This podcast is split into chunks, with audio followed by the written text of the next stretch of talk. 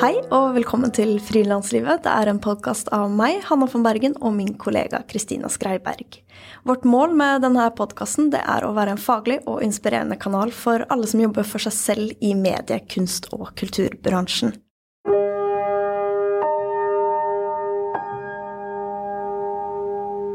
Denne episoden den er sponset av badstuebåten Kok. Som frilanser kan det være godt med et skikkelig avbrekk i jobbhverdagen.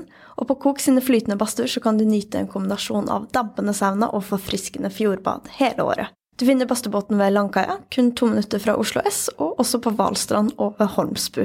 Finn ut mer på kokoslo.no.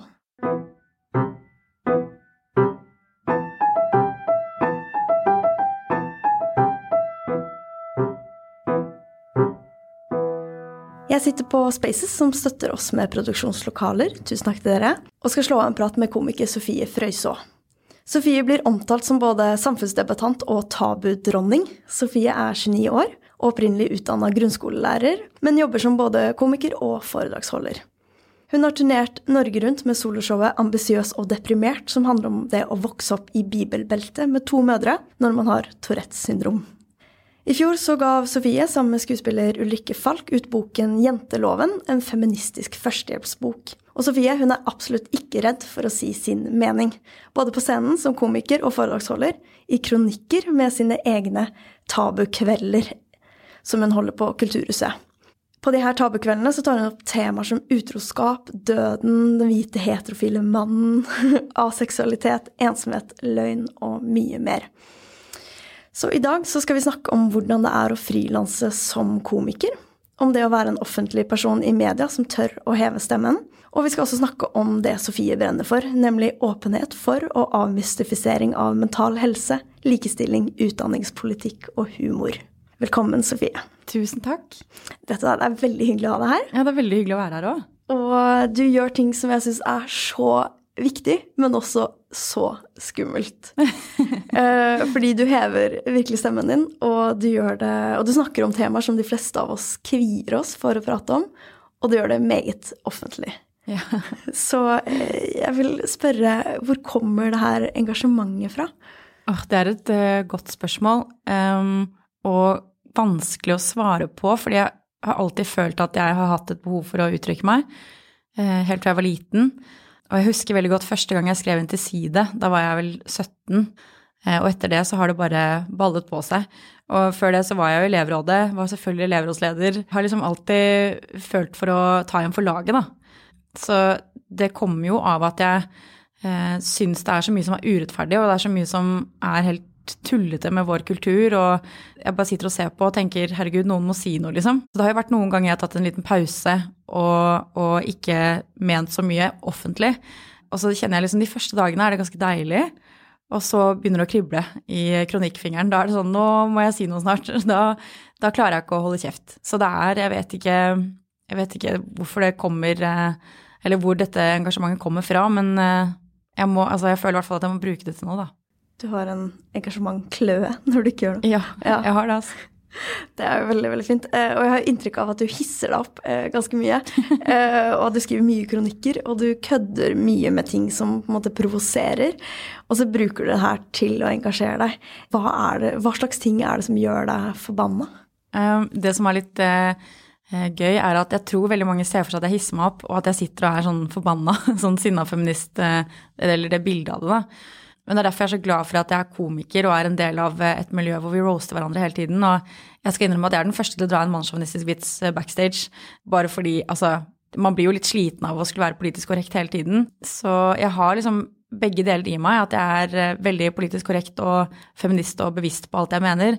Eh, samtidig som det er deilig å bare kunne kødde med det også. Men det som gjør meg forbanna, er altså urettferdighet og skjevfordeling av goder. Og når jeg altså når jeg ser, spesielt i kommentarfeltet, da, folk som, som i hvert fall hisser seg opp og skriver helt sjuke ting, eh, så kan jeg Jeg blir, jeg blir i hvert fall Jeg blir sånn matt og oppgitt og lei meg og tenker at eh, ah, det, er liksom, det er typisk at de som mener masse kjipe ting, eller som er diskriminerende eller fordomsfulle, de roper veldig høyt.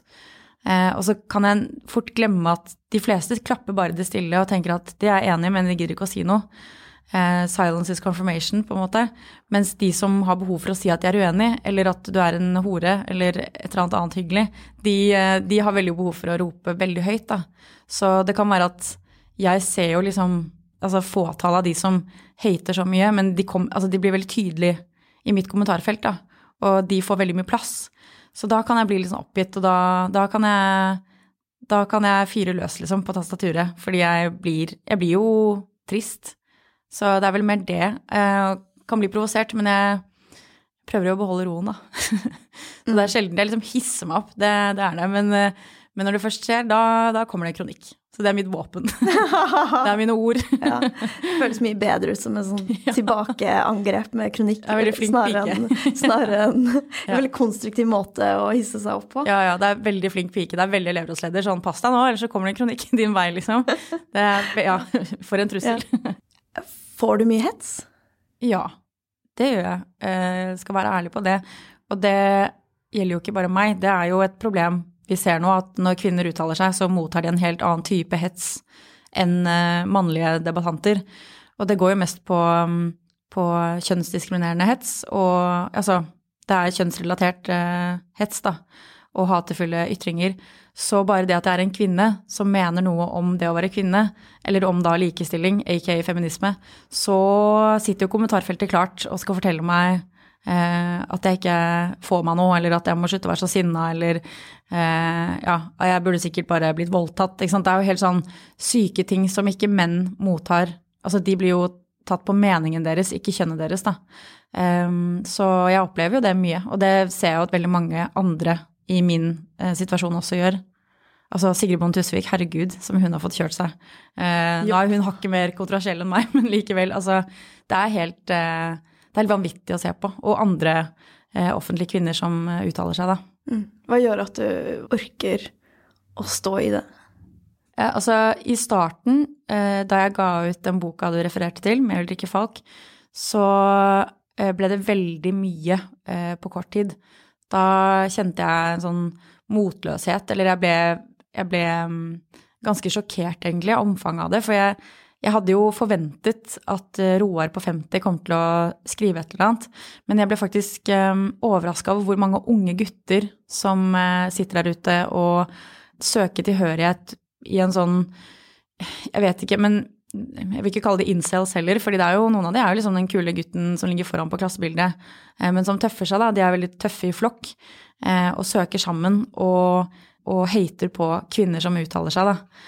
Så jeg ble faktisk ganske satt ut av det. For jeg tenker sånn, de går på skolen, de har tilgang til informasjon. Eh, hva er det som har skjedd med disse gutta?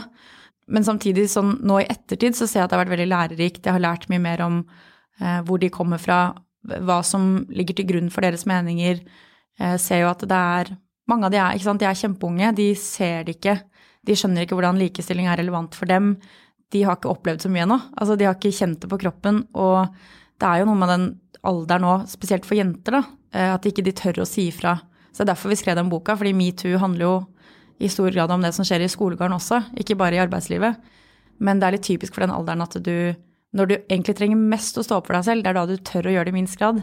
Og da er det jo litt sånn meta når jeg kommer inn på Eh, en ungdomsskole da, og skal snakke om seksuell trakassering, og jentene sitter der helt stille og ikke tør å rekke opp hånda, og gutta prater for dem.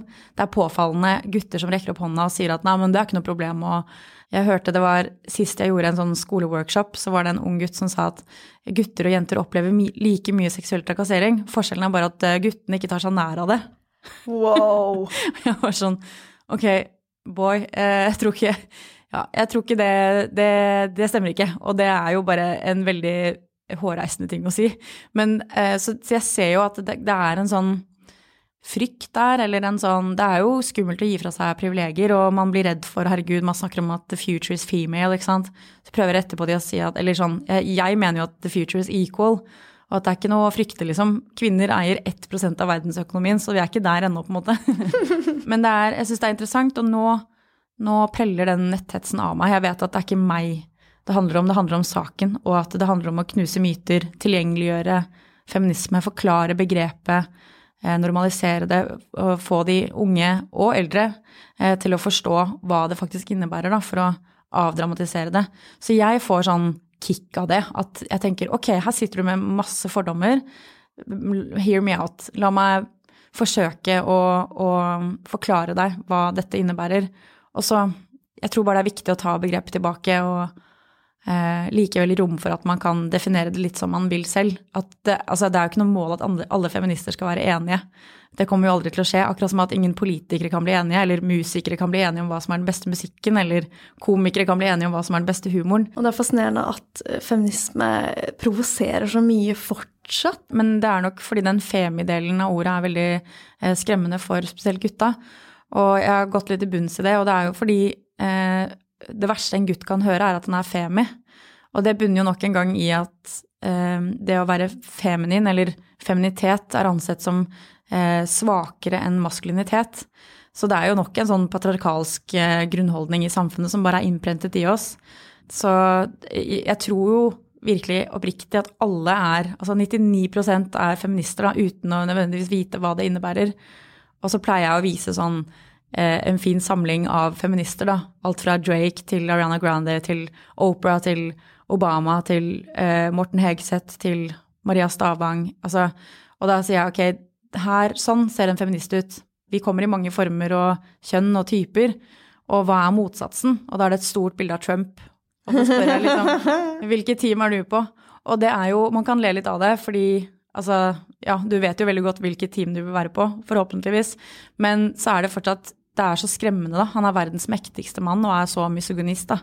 Han, eh, måten han knebler kvinnelige meddebattanter, eller hvordan han behandlet Hillary i, eh, i eh, valgkampen på, det er jo helt, det er helt hårreisende. Så det er jo noe med å vise hvordan verden er på vei også, og at nå er det mer og mer polarisert. Jeg tipper at årets ord er polarisert. Vi snakker så mye om det, så er jeg interessert i å finne ut er vi egentlig det, eller er det bare sånn det ser ut i kommentarfeltene? Det er jo veldig tøft, syns jeg, at du bemøter andre, det andre ståstedet. Og de som sitter med det helt motsatte synet. For det er jo først da man kan begynne å nærme seg og egentlig ja, skape en forandring. Fordi ellers så sitter man jo bare på hver sin tue og mener veldig sterke ting uten å egentlig ha noe påvirkningskraft. Mm. Mm. Ja, takk. Det er Eh, jeg tror jeg, jeg, er veldig idealist, da. Så jeg tenker jo at det har noe for seg, liksom. Eh, og jeg tror på den gode samtalen. Jeg tror på at man kan eh, nærme hverandre hvis Det er noe helt annet å snakke med, med folk når de er i flokk. Men det, det, skal ganske mye til for at du sitter og tøffer deg på tomannshånd. Eller at når du har en dialog, som jeg ofte har i innboksen min på Insta, så skal det ganske mye til å skrive disse tingene opp i trynet mitt, på en måte. For da vet jeg at nå har de meg på på tomannshånd, eller tokvinnshånd. Mm. så um, ja, det, er, det, det, har også gitt meg litt håp at noen av gutta starter veldig hardt, liksom.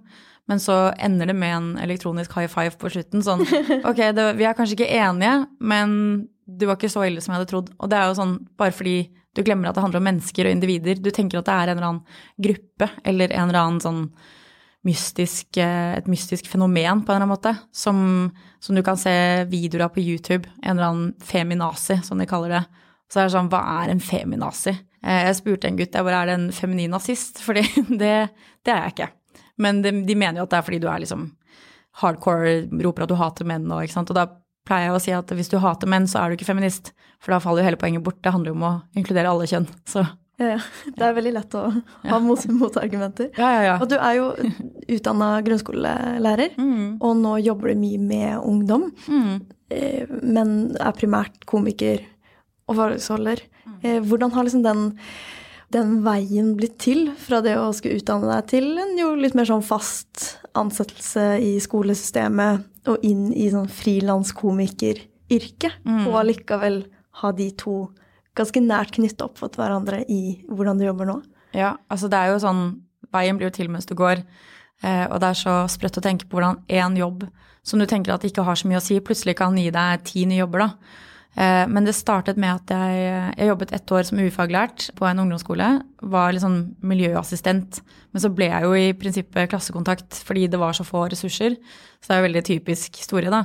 Eh, så begynte jeg på lærerhøgskolen, og så tok jeg Eh, år permisjon, var i Uganda eh, der og bodde der halvannet år. Og så kom jeg tilbake, skulle egentlig fullføre siste året. Eh, da er det sånn valgfag på slutten. Begynte på musikk. Og så merket jeg at jeg fikk mer og mer eh, jobbforespørsler. Så tenkte jeg nei, nå, nå, skal jeg satse. Og jeg hadde egentlig bestemt meg, det er sånn klisjé, da, men jeg, jeg bestemte meg i Uganda da jeg fikk Norge på avstand og fant meg sjæl og sånn. Så tenkte jeg når jeg kommer hjem, da skal jeg satse mer på standup. For det var ikke noe sånn Jeg hadde ikke noe mål om å bli komiker. Det var mer sånn kanskje jeg kan bli en morsommere lærer, liksom. Men så merket jeg at eh, det gikk veldig bra. Så fikk jeg flere og flere tilbud, og da jeg bestemte meg for i, ja, i starten av 2016 at nå, nå, bare satser jeg og går all in. Og så har jeg levd av det siden. Og det, det startet jo med at jeg Jeg har jo liksom opparbeidet meg min Eller mitt publikum, da, kan du si. Jeg er jo sånn go to-komiker på ungdomspartileir, eh, organisasjoner som står for mye av det jeg står for, og som jeg jobber for som er mental helse, likestilling, utdanningspolitikk. Ja, så det har egentlig bare ballet på seg ved at jeg har gjort jobber for, for noen organisasjoner som har tipset om meg, eller så har jeg blitt en gjenganger, ikke sant. Og så er jo hele magien ved å være frilanser at du kan skape din egen arbeidsplass, du kan skape din egen eh, arbeidshverdag, da. Så jeg har jo egentlig bare grepet mulighetene jeg har fått Altså sånn som Tabukvelden, da. Det startet på Hva skjer? på Torshov. Og så syns jeg ikke det funka så bra. Så tenkte jeg ok, men hvor kunne jeg helst hatt det? Da Jeg går bare og spør Kulturhuset om de er keen, og det var de. Og så har jeg hatt det der siden. Eh, så det er jo noe med at man må bare grabbe de mulighetene du får. Så jeg føler meg veldig privilegert som, som, kan kombinere de tingene. Jeg tror jeg har funnet liksom min, min vei da, ved å kombinere pedagogikk og humor. Mm. Mm. Ikke alltid samtidig, da, men, men, ja. At jeg kan gjøre begge deler. Mm. Og du har sagt um, i et intervju at du kan godt lire av deg en vits i ny og ne, men du liker at det er liksom litt substans da, mm. i komikken, eller hva man skal ja. Eh, kalle det. Hva, hva slags bilde føler du at folk har av det å være en komiker? Det var veldig pretensiøst, det utsagnet, da. Sånn Å, jeg, jeg, har så mye substans. Men jeg tror nok at um, det bildet folk har av en komiker, er vel gjerne en person som står og, og uh, fjoller, eller litt, at det er litt harry. At du står på en brun pub, uh, at uh, publikum er drita, komikeren er drita. Eller det er kanskje et bilde som henger igjen fra liksom way back. Sånn hvordan standupen var på 90-tallet, liksom. Men så har det blitt mer og mer stuerent og gått fra litt sånn lavkultur til å bli ja, helt innafor. Altså, nå er det ikke Jeg føler ikke at det er så uglesett nå lenger. Nå er det jo vanlig å se på specials på Netflix, og at komikere har fått mer spalteplass, og at vi er samfunnsrefsere, da, eller satirikere, som har et skråblikk, som man så fint kaller det, på samtiden. Så jeg tror nok at eh, vi har et litt mer nyansert syn på komikere i dag enn vi hadde før. Og så er det jo Jeg tenker at når folk sier at ikke de liker norsk standup, så tenker jeg at det er en veldig modig påstand. Så spør jeg liksom ok, har du sett Henrik Farley, har du sett Jonis Josef, Jim Swan? Nei, nei, ingen, de har jo ikke hørt om disse navnene. Nei, men hva baserer du det på? Nei, jeg vet ikke. Eh, nei, men har du vært og sett standup i det siste? Nei, jeg har jo for så vidt ikke det, da. Så det er jo liksom en sånn myte eh, som kanskje henger igjen fra liksom, de gamle gutta. Og at eh, nå er det jo mye mer mangfoldig. Så, men jeg, det er jo typisk hvis jeg sier at jeg er komiker, så er det jo ok, fortell en vits, da. Og så må du bevise det. Og det er jo også veldig gøy, for det er jo ikke sånn at Jeg spør folk med det? Ja, ja. Veldig ofte. Fortell en vits. Og så tenker jeg sånn ok, hva jobber du som? Lege? Ok, operer armen min. Altså det er jo helt sånn Det er jo ikke Hvorfor må jeg bevise det, liksom? Selv om jeg skjønner jo det, det er jo et uvanlig yrke. Altså det er jo veldig, Jeg føler meg alltid teit når jeg sier at jeg jobber som komiker. Det høres jo kjempeuseriøst ut.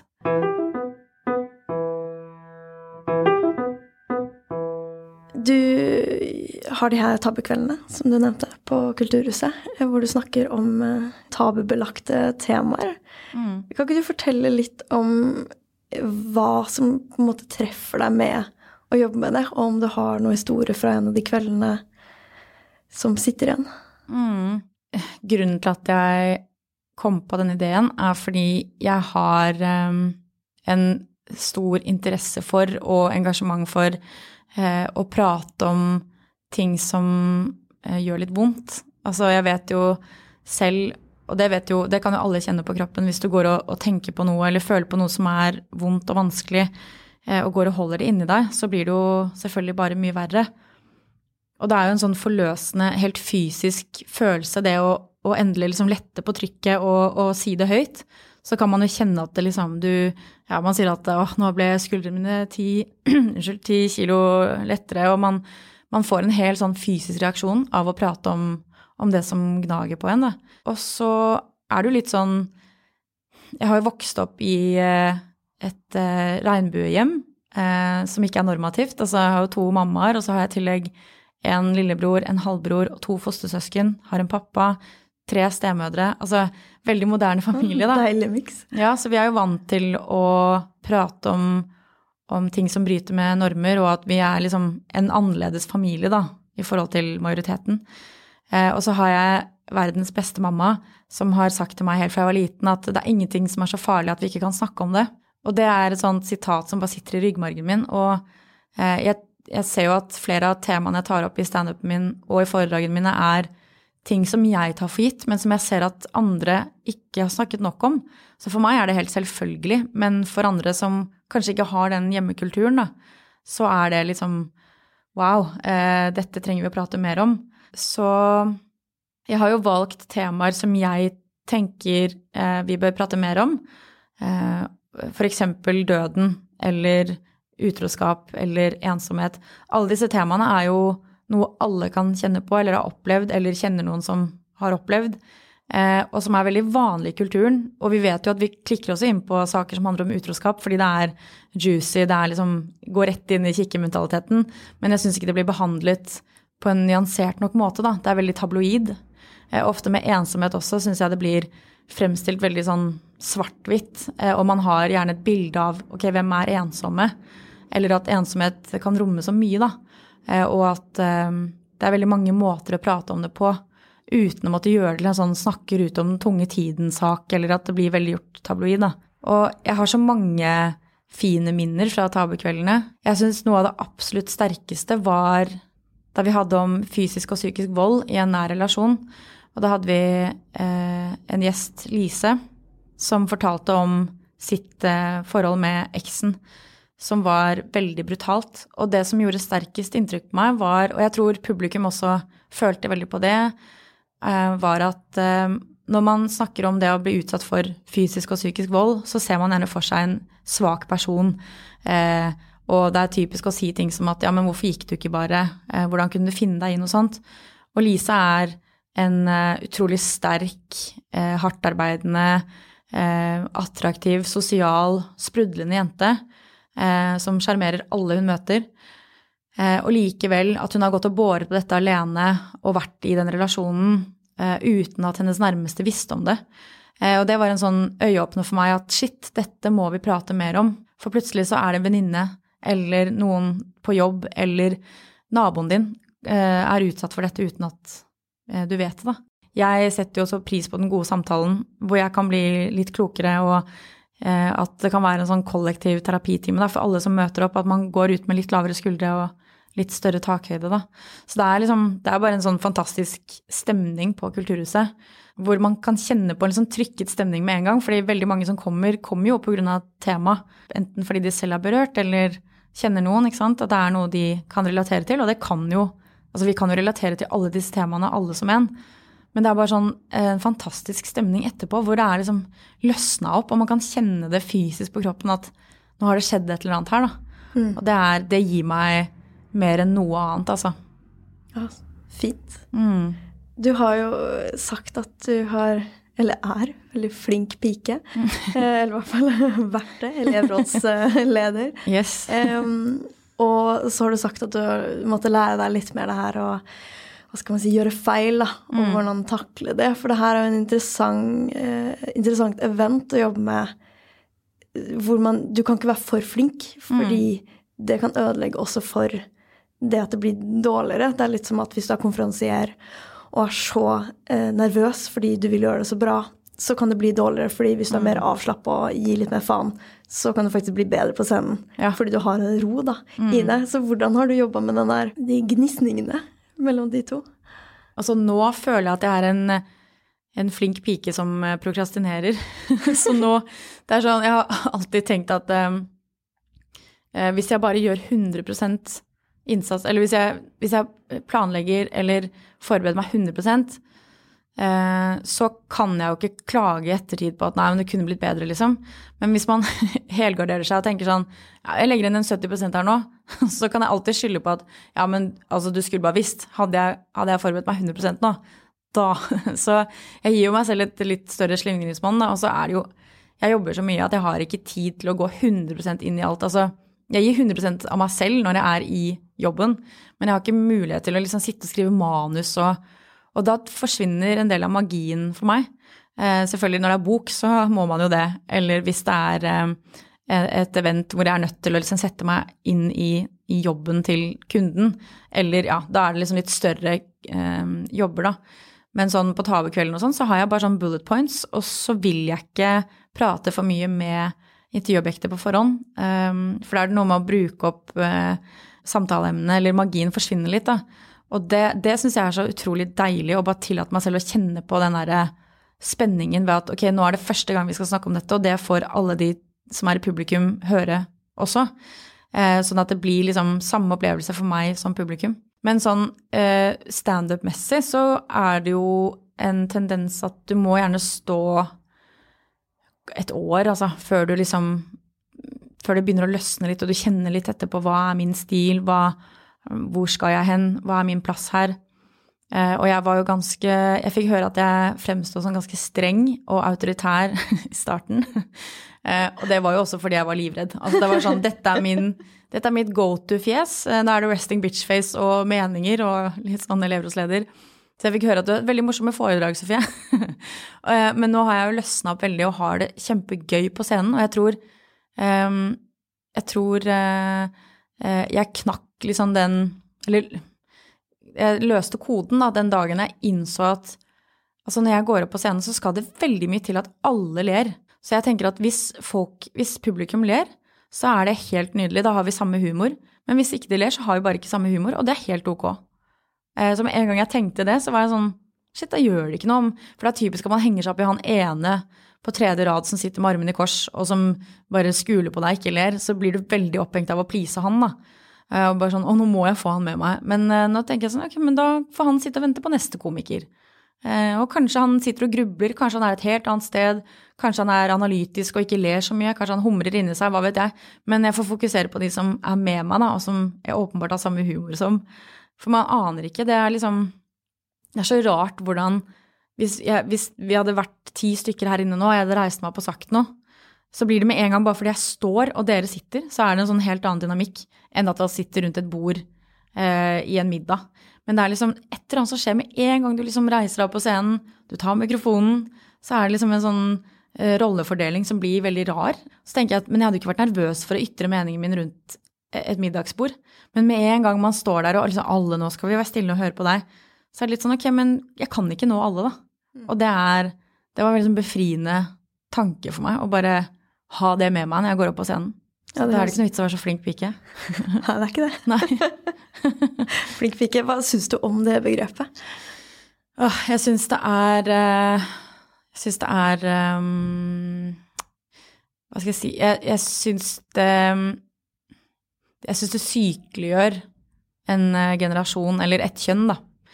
Som at man er sykt flink, eller at man er det, det, altså dette eh, prestasjonspresset, da. At eh, eh, Det har jo aldri skjedd noen gang at en jente får høre at hun er så flink, og så tenker hun å ja, ok, men da gidder jeg ikke det mer. Altså da har hun jo ytterligere ansvar og liksom et press eh, om å prestere. Så det å si til noen at de er så flinke, gjør bare at de vil være enda flinkere. Så er det jo litt sånn apropos polarisering, da. Det er disse flinke pikene og taperguttene. Jeg syns jo det er helt eh, mot sin hensikt å å dele opp kjønnene på den måten og snakke om en kjønnskamp, og at guttene taper og jentene er flinke. Jeg tenker at det handler om eh, eh, manglende eh, Hva skal jeg si Altså manglende gode forbilder for gutta, da. Eh, og for jentene, for den saks skyld. Men at man, kan, at man kan bryte litt mer opp med disse kjønnsrollene, disse kjønnsnormene som ligger så utrolig innprentet i oss. For det skaper jo bare et skille, tenker jeg. At man skal skille mellom kjønnet på den måten. Og jeg så jo i forbindelse med Stoltenberg rapporten at eh, det var en som mente at gutter trenger flere maskuline forbilder. At de må få mer konkurranse inn i skolen, for det tenner gutta på. Og kanskje litt mer gym og fysisk aktivitet. Altså sånn helt seriøst, jeg som satt i dette utvalget, så var det litt sånn Hva da, skal vi ha Forsvaret inn i skolen? Altså jeg skjønner ikke Det er jo ikke det de trenger. De trenger jo er, ikke, kan, er det ikke det vi prøver å motvirke? Ja, ja, og sånn, så begynner man å snakke om Jordan Peterson. Ikke, Han gjorde sikkert ikke det han jeg refererer til nå, jeg husker ikke hva han heter engang. Beklager det. Men uh, det blir veldig sånn det, det, det, bare bygger opp under den derre evolusjonsmessige, primitive tankegangen om at ja, men gutter er sånn og jenter er sånn. Så tenker jeg nei, det stemmer jo ikke. Tenk når vi er barn, vi er jo på vårt beste. Altså vi er jo bare helt fantastiske. Vi har jo ingen normer. Vi har tre kjærester på en gang, og det er ingen som spør om du er bifil. Du bare, du bare, er, du bare er, fri, da. Eh, og så er det et eller annet som skjer når man kommer inn i skolen, og det tror jeg handler mye om eh, disse forventningene til kjønnsroller, og at jeg tror er det noe gutta trenger, så er det å prate mer om følelser, få mer tilgang til følelsene sine. Og så tror jeg jenter trenger å slappe litt mer av. Og bare få lov til å senke skuldrene litt. Og at det er jeg, jeg bare Når man snakker om skolepolitikk, er det én ting jeg syns er problematisk, er at det er så målstyrt. Alt skal måles og, og gis karakterer på, da. Og det syns jeg er helt eh, forferdelig. Mm.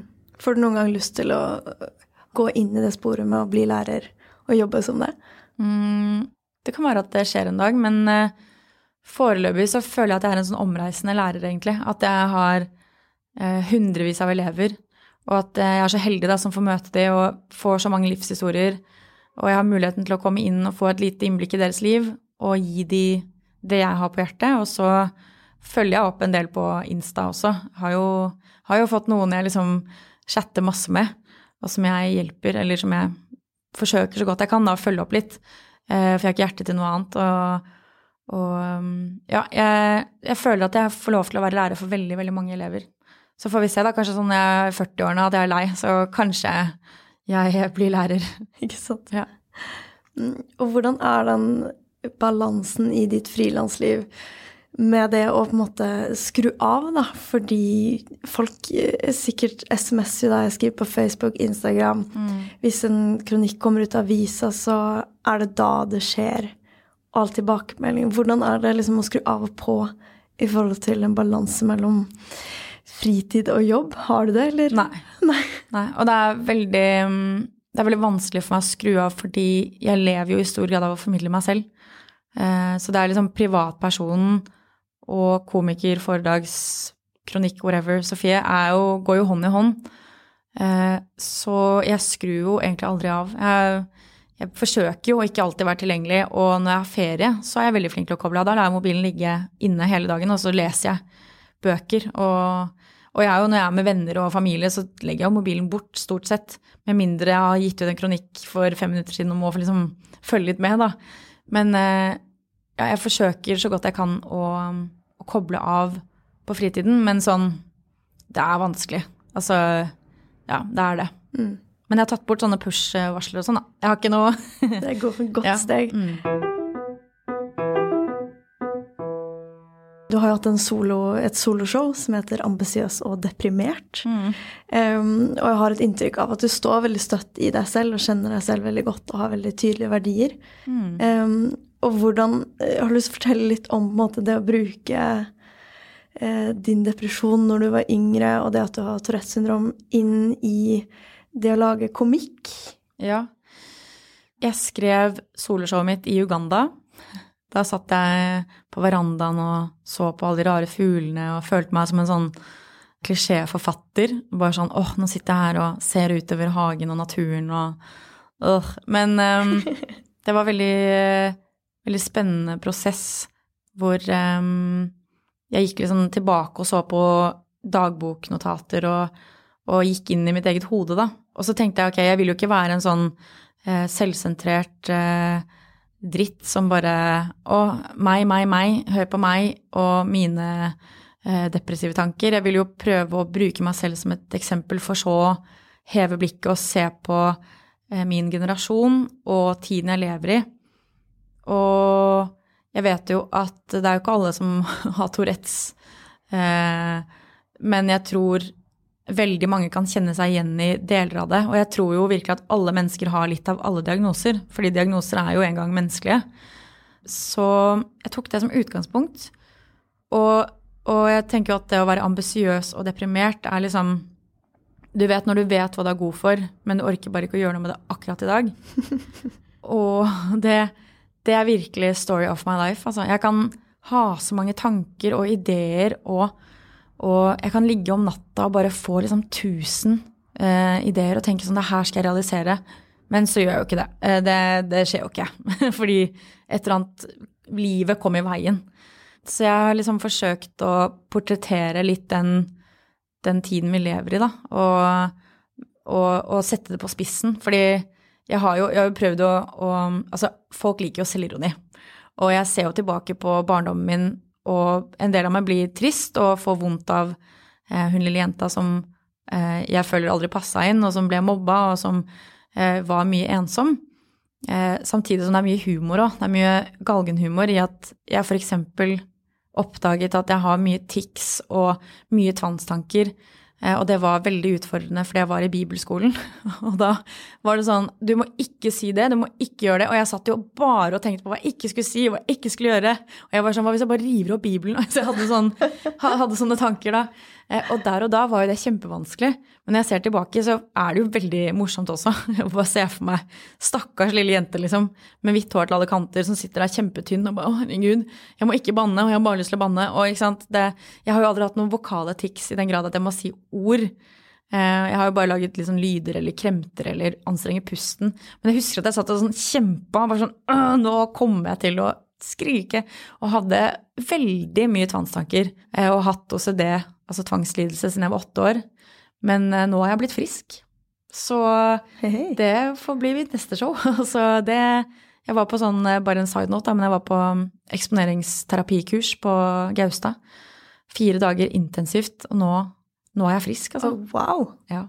Det høres jo helt uh, urealistisk ut, men altså det, det hører jo med at det er en lang utredning, og så må man jobbe på egen hånd etterpå. Men de fire dagene kickstartet meg fra å bli fri fra det fengselet, da. For OCD er virkelig et fengsel. Som, som, man også burde snakke mer om. Burde ha en egen tabukveld om OCD. Mm. For man ser jo for seg, og man hører jo om sånn Å, jeg har helt OCD, jeg må bare, jeg må bare ha fargekoordinert eh, eh, bokhylla mi. Eller jeg må ha liksom krydderetikettene ut i skapet. Så er det sånn ja, du kanskje du er, du, du er uh, estetisk, eller du er opptatt av estetikk og at det skal se fint ut rundt deg, og det er helt fint, men det er, det er ikke det, altså. Jeg har, altså tidligere har jeg måttet vaske og rydde rommet jeg befinner meg i, uh, all den tid jeg befinner meg i det rommet. Og det har vært ekstremt uh, tidkrevende og veldig, veldig slitsomt. Så jeg tok litt av min OCD-historie, litt om altså Touretten, det går jo hånd i hånd, på en måte. og og at det har utløst eh, tilbakevendende depresjon. Jeg har hatt, eh, vært deprimert siden jeg var åtte år, og nå går jeg på medisiner.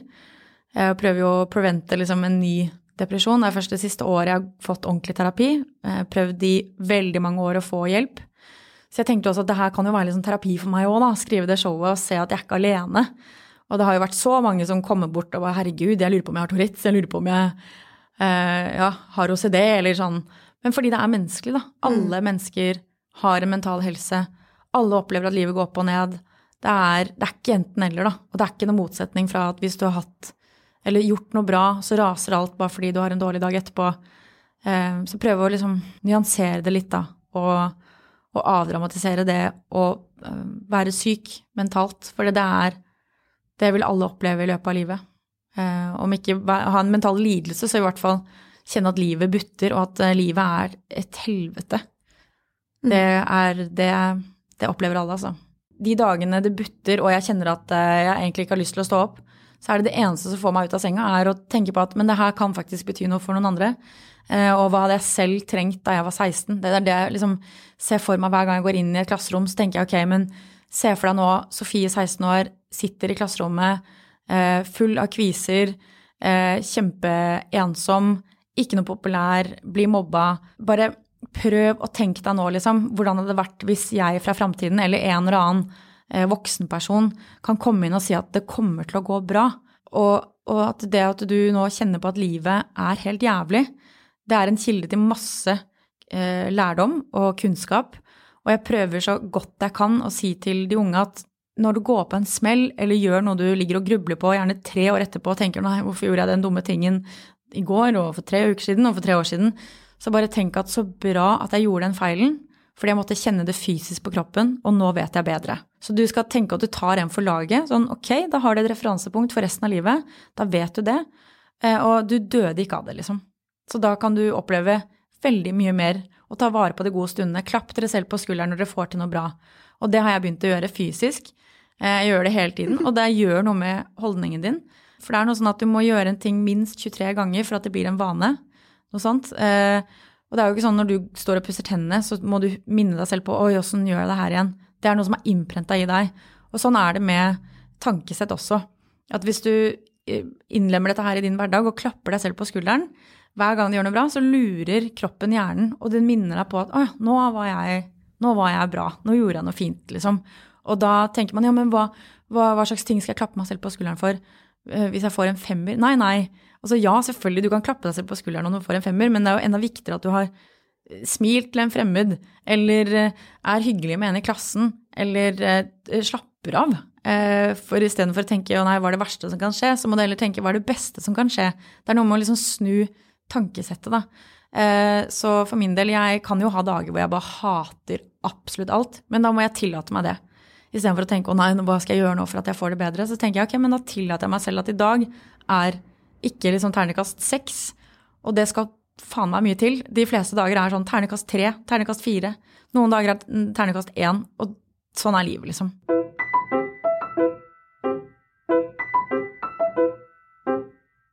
Nå har du holdt på en del år, og hva har du på en måte lært deg om business? I starten så tar man jo alt man får. Da er det sånn å, du får ikke noe betalt, men du får to øl. ikke sant? Og da, etter hvert så skjønner man at øl kan ikke betale husleia di. Så man må bare gå gradene. Eller sånn, jeg har i hvert fall gjort det og fått mer og mer. Husker i starten var det sånn oi, 2000 er mye, liksom. Og nå er det sånn nei, det Du kan ikke betale meg 2000 kroner, og så skal jeg skatte av det, på en måte. Det går jo ikke. Mm. Eh, så man etter hvert som man får mer og mer erfaring, så skjønner man etter hvert mer og mer hva du skal ta av pris. Og så har jeg lært meg at jeg ikke trenger å si ja til absolutt alt. Jeg har lært meg at jeg skal stole på meg selv, stole på intuisjonen min, eh, og at eh, det er viktig for meg at jeg får noe ut av den jobben, på en måte, eh, og at ja, det er jo noe med at ja, jeg tror liksom det viktigste er å bare stole på seg selv og stole på at du er tro mot det innholdet du ønsker å skape. Da. For jeg merker med en gang at hvis jeg blir spurt om noe eller eh, får en dårlig magefølelse, så skal jeg ikke gjøre det. Da, da er det et nei. Men det å altså, få penger, det er liksom Jeg vet ikke. Det er eh, Hva har jeg lært av det, liksom? Jeg er jo elendig på det økonomiske. Det er en grunn til at jeg har valgt å jobbe kreativt. Få en regnskapsfører. Det, det er mitt beste råd. Det har jeg fått først i år, altså.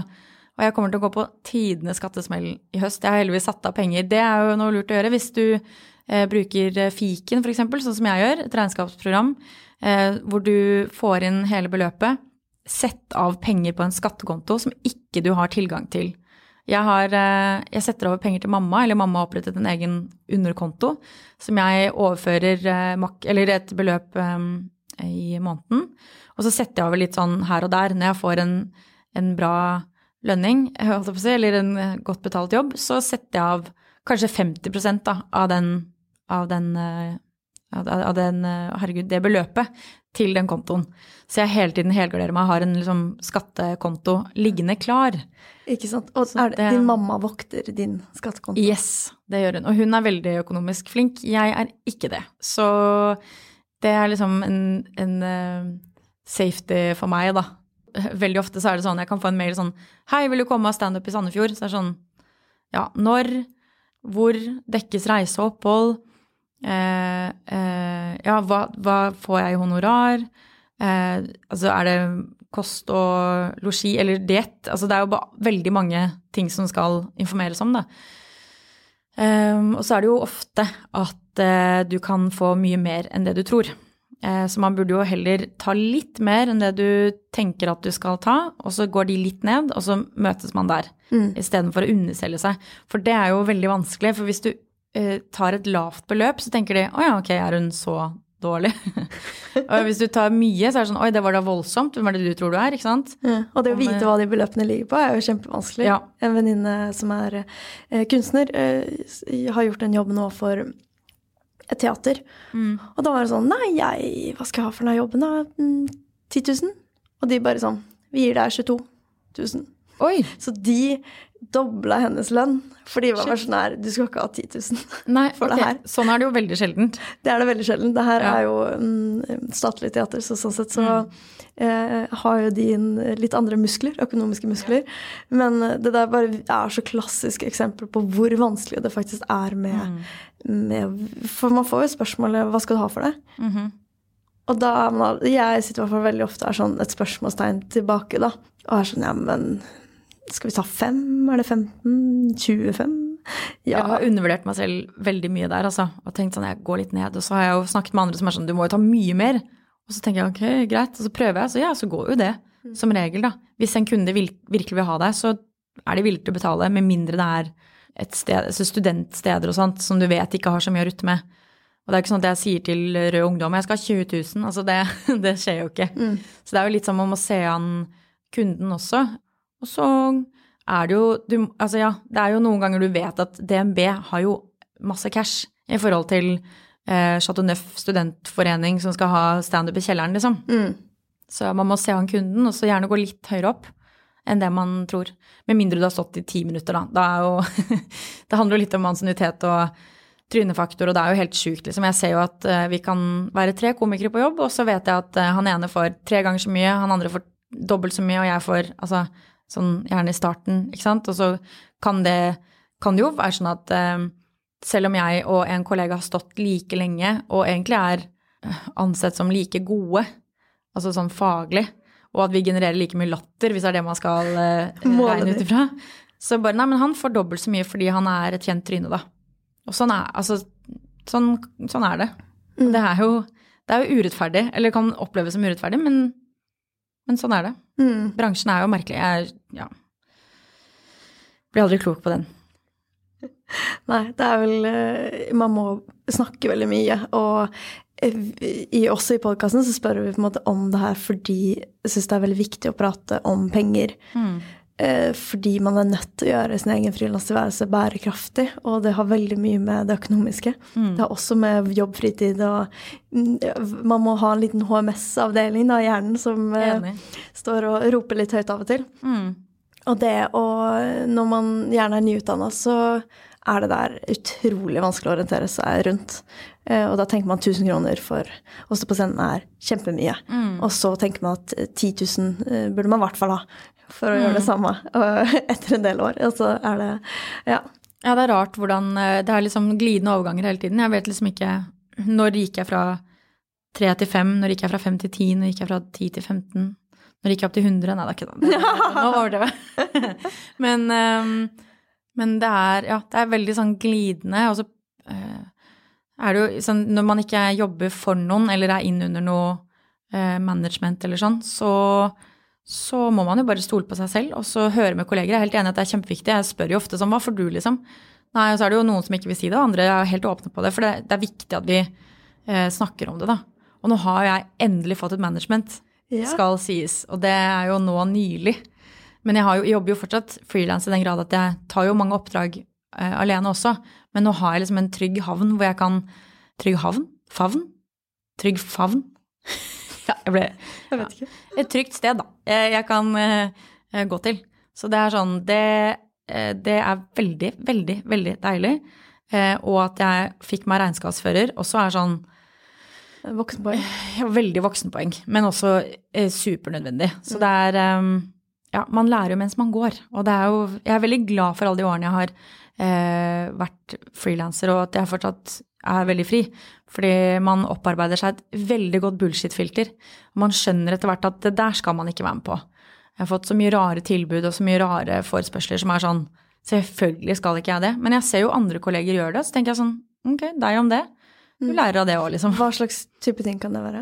Nei, det er jo sånn reklameting og sånn Det er jo noen sånn salgsmailer. Du, du skjønner at de i salgsavdelingen er sånn Vi sender ut denne generiske meldingen til alle, og så skjønner du at det, du har ikke tatt høyde for at jeg og Chartersveien skal lese denne mailen. Altså, det er jo, du, kan ikke, du kan ikke tenke at denne her, denne helgarderer seg, liksom. Mm. Eh, og jeg skjønner at eh, nå skraper dere på bunn, liksom. sånn, nå har eh, samtlige A, B og C-kjendiser sagt nei, så da går vi til D og F og Å-kjendiser, liksom. Mm. Hvor jeg tenker sånn, dette skal ikke jeg være med på. Ja. Mm. Uten å avsløre noen der. Men det er jo så er det jo helt greit for de som vil være med på sånne ting, men det er jo ikke for meg. ikke sant? Så det er jo det er, Jeg er glad for at Jeg har tenkt på det så mange ganger. Jeg er så glad for at bloggen kom Altså, jeg blogga jo før det ble kult, før det ble kommersielt, og så ga jeg meg. Og jeg er så glad for at det ikke fantes blogg da jeg var 13-14. Jeg hadde laget en Ringenes herre-blogg og vært helt altså crazy fangirl. da. Eh, og hadde, det vært, hadde jeg vært eh, 14 da Justin Bieber kom, om jeg hadde laget en Justin Bieber-konto Jeg var en sånn eh, fan-fjortis da, som bare fant nye eh, kjendiser jeg crusha på hele tiden. Jeg hadde laget så mange fanblogs, da. Eh, og hvis jeg hadde, la oss si at han hadde fått masse følgere, så hadde jeg jo sikkert stilt opp alt mulig rart. Det er jo derfor jeg tenker sånn Det er så trist, eller det er så skummelt da, at mange av disse influenserne er så unge. Fordi altså, du er jo ikke i stand til å ta like gode valg som når du er 30, da. Nei, nei, og de mulighetene blir jo veldig fristende fordi det kanskje oppleves veldig som det er her og nå. Ja. Eller så skjer det aldri. Ja. Mm. Penger og fame, liksom. Det er, altså, herregud, det er jo kjempegøy å bli gjenkjent og kunne dra på russeevents og bli sponsa av Brun og blid, liksom. Eh, men det Ja, nei. Jeg er glad jeg, jeg, er glad jeg har gått gradene, og at jeg ikke slo igjennom da jeg var sånn 21. Altså, jeg lå en grøft på Kos da jeg var 21 år. Jeg hadde tatt så mange dårlige valg og sikkert sagt ja til absolutt alt. det hadde jeg ikke da. Jeg var jo elevrådsleder eh, jente da også. Gikk med palestinaskjerf og sånn. Men jeg hadde sikkert eh, hadde ikke tatt like gode valg da som jeg gjør nå. Og jeg kommer sikkert til å le av noen valg jeg har tatt nå når jeg er 40 og tenke sånn åh, jeg var så dum ja, da jeg var 30. Eh, jeg har lyst til å avslutte med å høre hva det beste med frilanstilværelsen er. Det beste med frilanstilværelsen er jo um, at ingen uke er lik, og at uh, jeg er på ingen måte et rutinemenneske. Jeg uh, liker å kunne uh, være fri, og at jeg kan ta med meg jobben hvor som helst. Um, og så er jeg også sammen med en frilanser. Så vi er jo sånn 16 år. Sånn vi kan ligge klokka to om natta bare sånn Skal vi dra og kjøpe sjokolademilkshake? Ja, vi bare gjør det. Eh, fordi ingen skal opp eh, før never dagen etterpå fordi vi har en eller annen deadline, eller at jeg skal ikke på jobb før på kvelden og er et nattdyr. Elsker å sitte og jobbe på natta. Um, og at jeg kan ikke komme for seint til jobb på en gig klokka åtte, liksom, på kvelden. Det går jo ikke. Så det er Jeg er et B-menneske for life, og det tillater frilanstilværelsen min og meg å være. Og det er bare så deilig å kunne Det beste med å være voksen er at du kan gjøre de tingene du hadde lyst til å gjøre som barn. At du bare 'Nå har jeg lyst på godteri klokka tre på natta', liksom. Eh, ikke at du hadde det som behov da du var tre. Jo, kanskje det er 13., da. Kanskje du døgna, liksom. At du bare Det var det kuleste. Ja. Kuleste var å døgne. Eh, og nå er det det verste. Det er gøy. Når du er liten, er det sånn dritfett å døgne. Nå er det sånn å, fy faen, nei, migrene i morgen. Men, eh, men det er så deilig, altså. At jeg kan få være så fri, og at eh, Ja, det er, det er, jeg syns også det er spennende at jeg kan gjøre én jobb, og som jeg sa i stad, så er det sånn du kan plutselig så genererer det 20 jobber, eller så begynner du å jobbe med noen du ikke hadde trodd du skulle jobbe med, eller du møter på mennesker som ja, du har så mange kollegaer, eller så mange du møter eh, hele tiden. Og jeg som elsker å jobbe med mennesker, er jo superprivilegert. Eh, som ikke er på det samme kontoret hver dag, men jeg får møte mennesker hele tiden. Så det er det beste med å være frilanser. Jeg kan ikke se noen ulemper, egentlig. Tusen takk for at eh, du kom hit i dag. Veldig hyggelig å prate med deg. Ja, i like måte. Takk for meg. Ha det. Ha det. Tusen, tusen takk til Fritt Ord for støtte til denne episoden.